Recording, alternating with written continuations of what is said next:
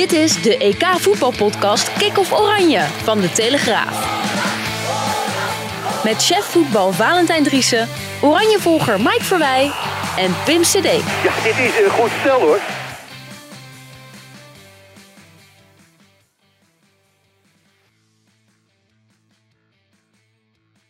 Oké, nou dan zeg ik eh, welkom bij, eh, bij eh, de, de podcast Kick-Off. En we zitten hier in de lobby van het eh, Intercity Hotel in Budapest.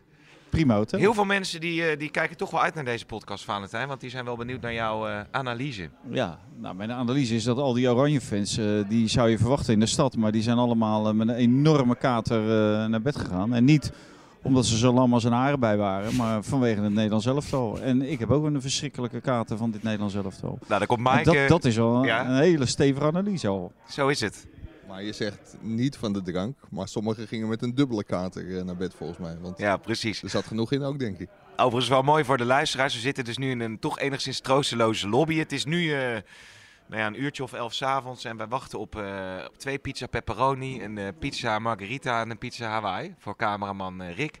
En we nemen dit op. Maar zeg dat nou niet te hard, want anders begint iedereen dadelijk weer te zeuren dat ze ons horen eten. Of ja, mij horen precies, ja.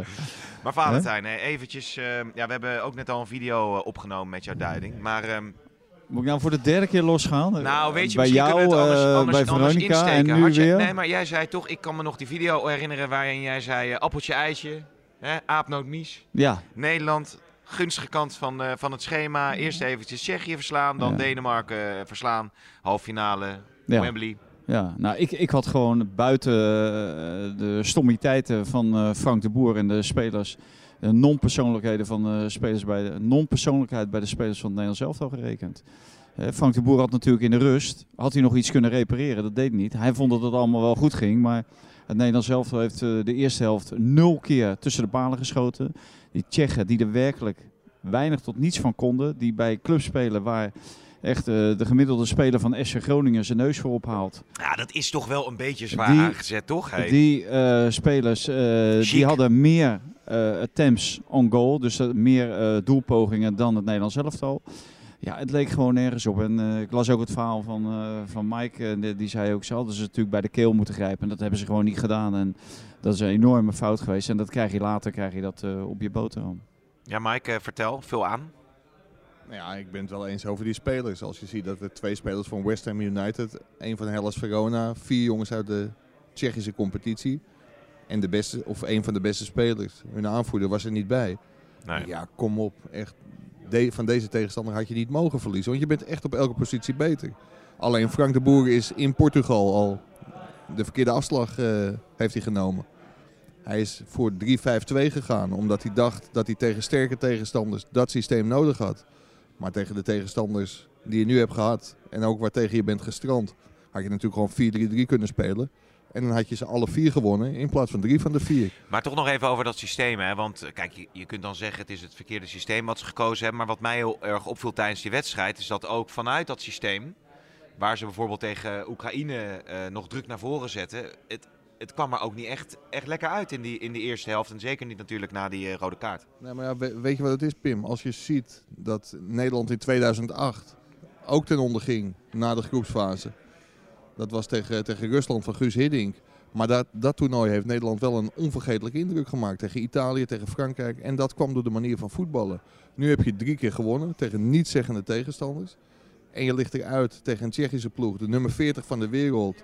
Dat echt een heel middelmatig elftal is. Ja, Ja, ik denk, je ligt er en te vroeg uit en je hebt geen indruk gemaakt. Dus het is gewoon een toernooi om heel snel te vergeten. ja. Nou ja, ondertussen, we Ja, zijn ook wel aardig om te vertellen, want we hebben hier, we hebben hier twee camera's. Dus Mike en Valentijn, die wisselen de hele tijd twee microfoons, moet ik zeggen. En ondertussen ehm, eh, staat hier een hele vriendelijke vriend van het Intercity Hotel, want die heeft de pizza's, toch?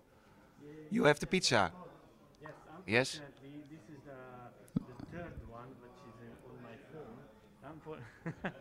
Hi, how are you? Everybody okay? Very So- good. Uh, we have we have one pizzeria over there on the next uh, Table. front of us. Actually, front of us. We have a, we have one pizza me. Okay. The name is the pizza. Just you have to go there, unfortunately. Okay. But Yeah. you can eat over here, no problem. Okay. Oké. Just you need to pick it up. Okay. And what kind of pizza would you like? The margarita is okay because they, they, margarita, they Ja, gonna en de prepare it. pepperoni. pepperoni en Hawaii. Okay. I'm gonna ask, okay? Yeah, great. Uh, but you can go there in like 30 minutes. 30 minutes.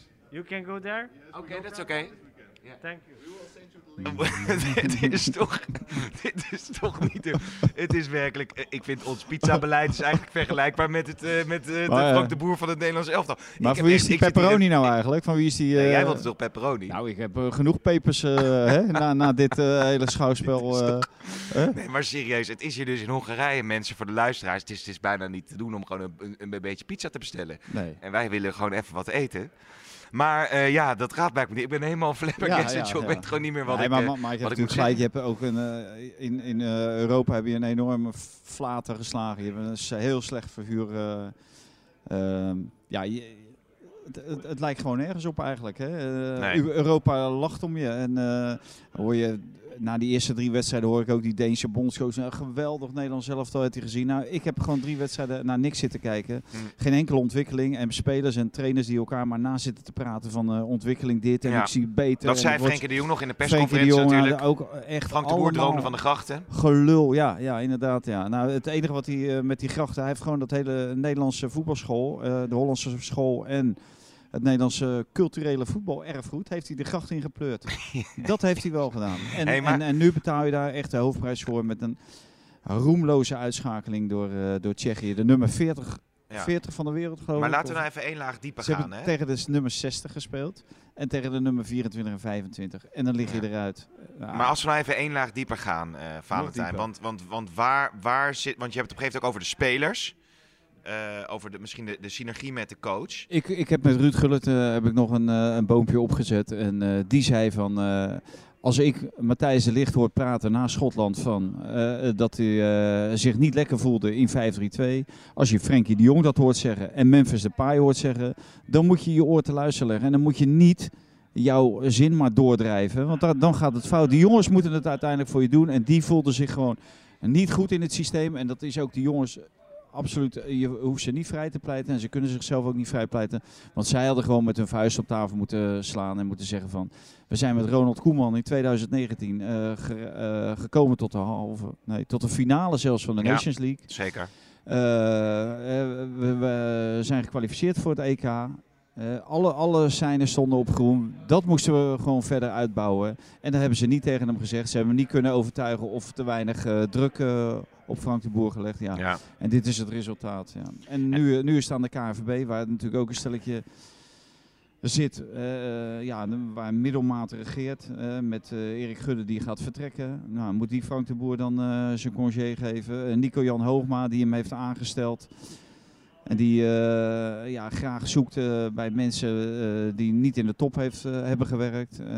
Hamberger, die het ook Ja. allemaal geweldig vond. Ja, Maar heb je het idee dat Frank de Boer. ehm, je hebt bij, bij, bij een politieke partij, of noem het maar, als ze slechte resultaten boeken, dan trekt eh, de, de lijsttrekker zijn conclusies. Eh, ja, dat heb je natuurlijk ook met coaches. Maar zie jij Frank de Boer nu zijn conclusies trekken, of heb je het idee dat hij eigenlijk wel door wil gaan? Nou, als hij vanavond zijn co- conclusies had moeten trekken, dan zou hij gestopt zijn. Daarom maar zei hij je misschien nog niet vanavond, toch? Nee, meteen? daarom zei hij ook van eh, ik laat het eerst bezinken, dan ga ik er goed over nadenken, ga ik in de spiegel kijken. Ik ben overal verantwoordelijk voor. Nou, je bent verantwoordelijk voor de meest desastreuze uitschakeling sinds tijden.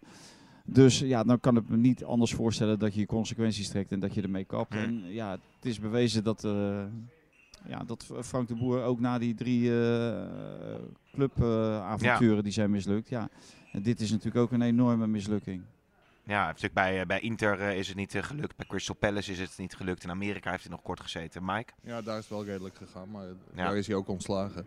Maar ik vind, je kunt alle principes van het Nederlands voetbal overboord gooien. Dat heeft Louis van Gaal natuurlijk ook gedeeltelijk gedaan in 2014. Maar dan moet je presteren. En als je dan derde wordt op een WK, dan loopt iedereen de Polonaise. En Frank de Boer heeft het ook gedaan, maar niet gepresteerd. Ja, dan weet je dat je een bijl in je nek krijgt, normaal gesproken. Ja. Maar ik ben het wel met Vaten eens dat in Zeist, ja, weet je, in feite, als zij zeggen dat Frank de Boer gefaald heeft en moet vertrekken, dan moeten ze zelf ook vertrekken. Nou, bij Gudde scheelt één ding, die gaat al weg. Maar ja, Nico-Jan Hoogma, die, ja, die wil natuurlijk gewoon lekker op het plus blijven zitten. Dus of hij Frank de Boer gaat ontslaan, dat, dat is zeer de vraag. Han Berger, ja, geweldige eh, baan natuurlijk als commissaris bij de, bij de KNVB. Dus dat zijn wel hele moeilijke beslissingen. Wil je niet gewoon je eigen hoofd op, de, Lot op, het, hak- bezegelen. op, ja. op het hakblok leggen? Hoe nu verder? Dat is natuurlijk de belangrijke vraag. Eh, laten we ervan uitgaan dat, dat er misschien toch, eh, of is dat te scherp gezegd, een nieuwe bondscoach moet Nee, komen. nou, kijk, eh, hoe, hoe nu verder? Eh, ik verbaas me erover dat eh, Frank de werd lekker, letterlijk aan hem gevraagd door Martijn Krabbedam. Zou je het opnieuw zo doen? Collega, en toen zei ja. hij ja. Martijn Krabbedam van Voetbal International. En toen zei hij ja. En dan denk ik, nou, dan leer je dus niks van je fouten. Ja, dan, dan is het helemaal eind, einde verhaal. Dan moet het helemaal einde verhaal zijn. Als je niet leert van je fouten. En dat, eh, ja, echt eh, vond ik ongelooflijk. Dat zei ook, ja, ja ik, we gaan door op de 5-3-2. Want eh, ik zie dat deze spelers, dat dat past ook bij deze spelers. Deze spelers hebben bewezen dat het niet bij ze past. In deze wedstrijden, lijkt mij. Dus, dus dan, dan kan je daar toch niet zeggen van, ik ga daarmee door. En dan kan je zeggen, hè, wat hij ook zei van, eh, ja, deze spelers in deze selectie met deze kwaliteiten. Maar het is natuurlijk ook wat voor spelers jij selecteert en wat jij opstelt. Kijk, als jij Steven Berghuis, dat was gewoon een vaste eh, rechtsbuiten voor het Nederlands elftal in een 4-3-3. Als je de boel dan omgooit, dan ben jij daarvoor verantwoordelijk. Dus, maar je kan rustig 4-3-3 spelen. Want je hebt ook Steven Berghuis. Maar als op het moment dat jij hem op de bank zit en niet gebruikt op die manier, ja, dan, dan moet je natuurlijk niet raar staan te kijken als het mislukt dat iedereen eh, klaar staat om je af te serveren. Ja, ja. Ja, ja. Ja, ja, ja, ondertussen wordt eh, de microfoon weer van de ene naar de andere persoon. Dus ik probeer dat een beetje te vullen met wat tekst. Maar, ja, Maar- dat, maar dat, dat is natuurlijk wel pijnlijk. Ja. Want als je dan nog na zo'n reeks zegt van ik zou de volgende keer weer zo doen. Kijk, je kunt natuurlijk heel goed met of Malen of Depay in de spits. Gakpo komt eraan, Berghuis heeft een geweldig seizoen bij Feyenoord gehad. En ook in het Nederlands zelf te laten zien dat hij in een 4-3-3 systeem echt heel veel kan toevoegen. Maar ook het wisselbeleid van Frank de Boer, want daar hebben we het nog niet over gehad. Kijk, dat hij Malen naar de kant haalt, naar de rode kaart van de licht. Ja, dat is natuurlijk ook een kapitale Ja, die, was, die was op, zei hij. Of die was, eh, moet, moest misschien gewisseld worden. Die kon eh, maximaal eh, 60 minuten spelen. Of misschien 70, zei hij. Ja, dus had hij gewoon in ieder geval nog langer kunnen staan. Maar eh, collega Rick Elfrink van het Eindhovens Dagblad zei ook van... Volgens mij scoorde hij in de 92 minuut tegen Omonia Nicosia. En bij PSV, ja, daar kon hij natuurlijk gewoon veel langer dan 70 minuten Ja. spelen. En als je Wijnaldum vandaag zag lopen, dan denk je... Ja, die kon geen 30 minuten lopen, want die was niet vooruit te branden. Nee. Dus Daar klaagt inderdaad de spelers ook over. Hè? Dat het op de een of andere manier allemaal niet lekker liep. Dat ze niet in, die, in, in, in de flow kwamen van de wedstrijd. Maar als bondscoach ga je ook over je eigen baan. En eh, je gaat over het Nederlandse voetbal. En je gaat over doorgaan, wel of niet op dit EK. En dan mag je ook best een keer een risicootje nemen. Ja. En ik snap dat Toon Gerbrands en Sean de Jong beginnen te stuiteren. Als achteraf bleek dat het onverantwoord was om 90 minuten te laten staan. En dat hij wel zijn hamstring afscheurt. Maar hij had Malen natuurlijk ook gewoon 90 minuten kunnen laten Ja. staan. Als je nou die reconstructie eh, maakt, hè, dan heb je natuurlijk een, eh, een voorbereiding gehad en een EK gehad waarin het natuurlijk misging met de spelers die afvielen. Waarin het misging met Sillissen, die corona had en uiteindelijk uit selectie viel. Dan is het uiteindelijk natuurlijk een rampzalige uitschakeling geweest tegen Tsjechië. Dus je, als je, als je stel gezegd in een evaluatiegesprek de balans opmaakt, ja, wat zijn dan de positieve punten, Valentijn? Nou, het positieve punt is denk ik dat jij de evaluatie moet eh, voeren. Vind je? Ja, Ja? ja? jij, zet, jij zet het eh, haarscherp, zet jij het eh, even op een rijtje. En ja, daar zit er geen enkel positief punt zit daarbij. En, en ook vanuit de boer en vanuit de speler zelf is er geen enkel positief punt te vernemen. Want zij hebben tot gisteren hebben ze allemaal maar geroepen dat het allemaal prima en oké was.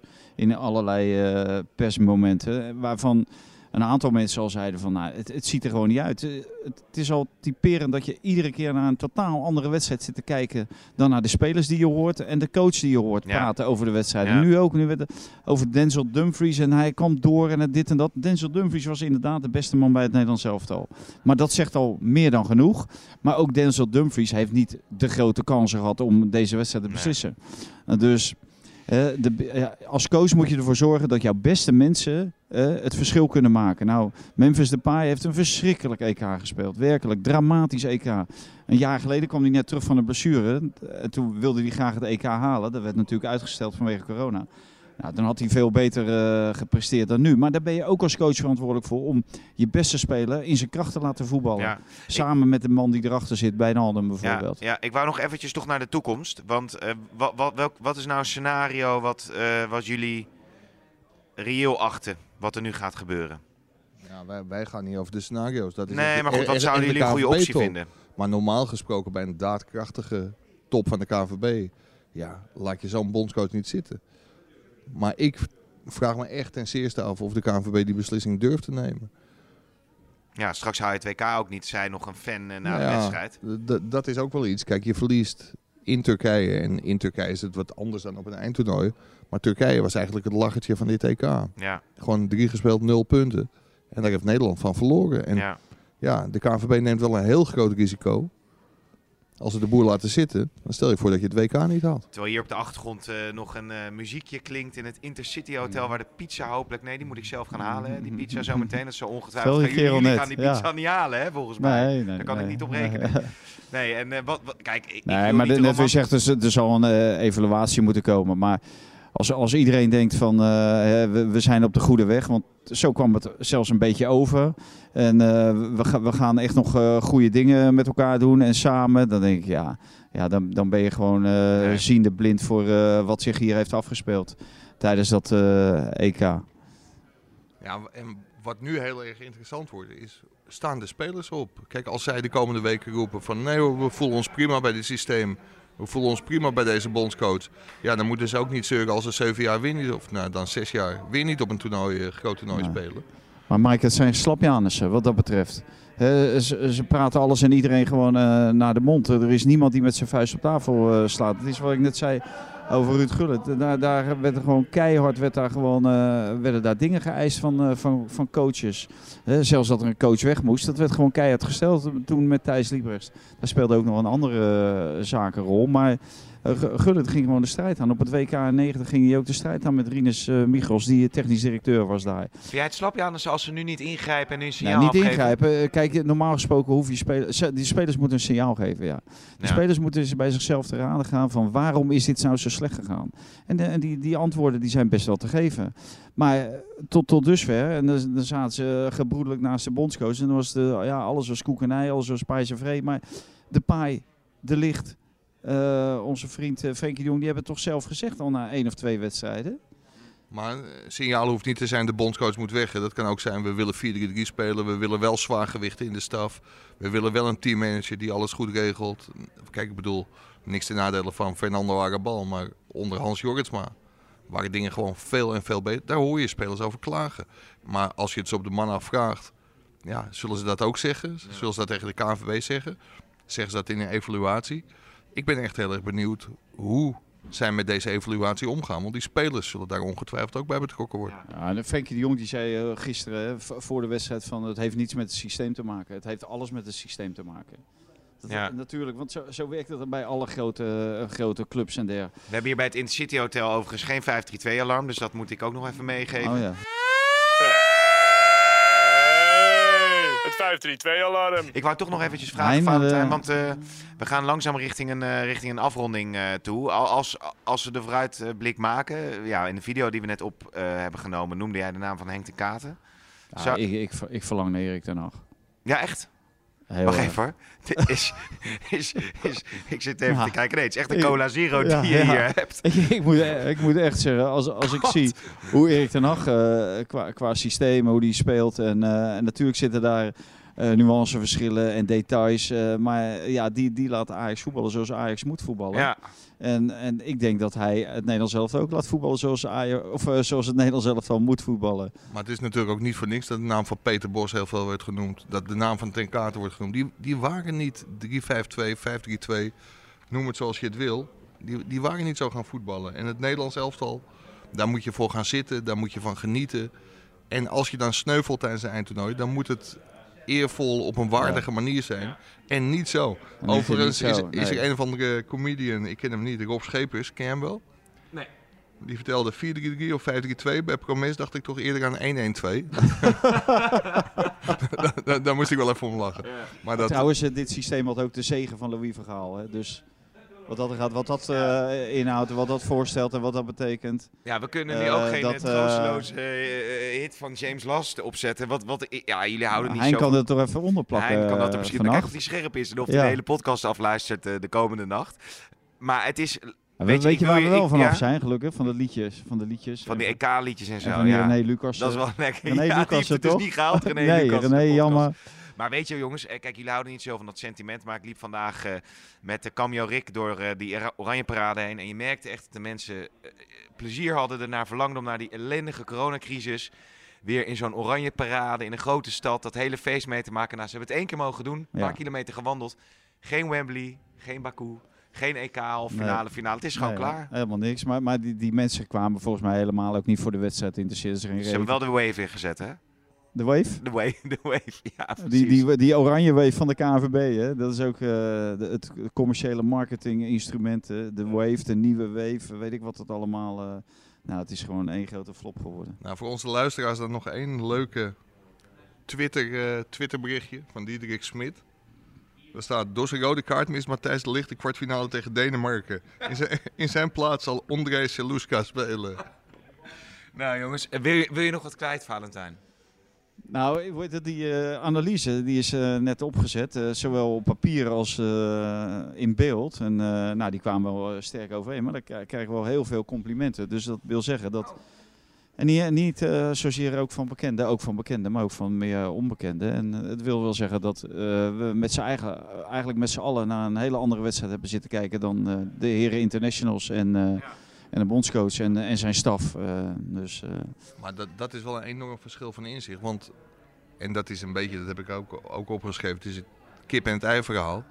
Kijk, Memphis en Wijnaldum waren echt zwaar ondermaats. Leden heel veel balverlies. Maar is dat nou door het systeem of ondanks het systeem? Het was echt heel erg slecht. Maar kwamen zij nou niet tot hun recht door dat systeem? Of werd het gewoon helemaal niks omdat zij zo ontzettend matig waren? Misschien nou, weet Valentin daar het Pim, Pim gaat het antwoord even geven. Ik vind het een hele goede vraag. Nou, ik denk Ja. dat zij slecht speelden. Maar goed, dan ga ik weer mijn analyse geven, waar ik helemaal niet voor ben natuurlijk. Maar ik denk dat zij Nee. slecht speelden, ook door het systeem. Want als de paai nu de bal had in de spits, waren de ruimtes gewoon ook heel groot. En zat hij in zijn eentje tegen twee, drie Tsjechen op te boksen. Ja. Dus ik denk dat we maar naar een afronding moeten gaan. Ik zeg tegen, me, tegen Valentijn en, eh, en Mike, eh, dank jullie wel. Vrijdag zijn we er weer weer. Ik weet niet wanneer Ja, we er dan weer is zijn. alle emotie een beetje uit de man. En, eh, want dat heb ik En wel dan van hebben we, Frank hoe, hoe geleerd. zou het met Sulemana gaan eigenlijk? Vraag je bijna af. Zullen zal ik dat nog even zeggen? Hoe is het met Sulemana? Ik heb mijn broer bij ING vandaag niet gezien. Maar, Hij was er wel. nee, ja, maar geef even aan hoe jij in het stadion bent Mijn gekomen. broer heeft, eh, heeft heel lief mij eh, het stadion ingeholpen. Hè? Mijn eh, cameraman eh, Rick, cameo. Ja. Dus dat was heel fijn. En eh, ja, god, hiermee eh, maken we een einde aan eh, deze podcast. Mike wil heel graag het laatste woord. Weet je ja. wat ik doe? Maar ja, Ik geef ik, Mike- wilde eigenlijk ook nog iets Jij mag zeggen. nog maar één ding zeggen. Ik geef nu mijn microfoon aan Mike en dan mogen Oh jullie ja, hem nee, de, de, de één les, want het is natuurlijk niet allemaal slecht wat Frank de Boer wat een aardige vent is. want hij heeft, ging heel goed om met de kritiek, vond ik altijd. Eén ding heb ik vandaag wel van hem geleerd. Je moet eerst je emotie laten zakken voordat je allerlei rare dingen gaat roepen. En, ehm, en eventueel conclusies gaat trekken. Dus eh, eh, bij deze, dan weet iedereen eh, waar mijn emoties vandaan komen. Dat waren wel hele mooie emoties. Ja, jongens, Ja. als ik jullie laat afsluiten, dan wordt het helemaal niks Ja, dat- hier. Dat ga, ga ik doen. Ga ik doen. Oké. Ik, eh, ik hoop voor Frank de Boer dat eh, Erik Gudde geen eh, WhatsApp berichtje stuurt zoals de boer naar El Ghazi deed als hij er eh, binnenkort. Oh. Ik, eh, jongens, eh, we gaan de podcast afsluiten. Het is een mooi cryptisch einde. Ik denk dat ik degene zal zijn die naar de overkant moet lopen om die pizza's te halen. Of ga jij het doen, Valentijn? Je moet het Mike laten doen, want die sukkel die heeft voor één dag 350 euro eh Hongaarse florinten gepind. En die kan ze aan de straatstenen niet kwijt hier. Ik, beta- Oké. ik betaal ze. Er zijn nog mensen die dit op tijd horen en willen wat, wat Hongaars geld. Dat ligt bij de balie van het Intercity Hotel. Overigens heeft André Sitek ook eh 3000 calorieën Ja, verbrand. hè? onze collega André Sitek. Oké, nou duidelijk jongens. Ik zeg ontzettend ontzettend bedankt voor jullie bijdrage. En eh, heel graag tot, eh, tot de volgende keer. Eh, en ja, we ronden af hier in een troosteloos Intercity Hotel vanuit Boedapest. Dag.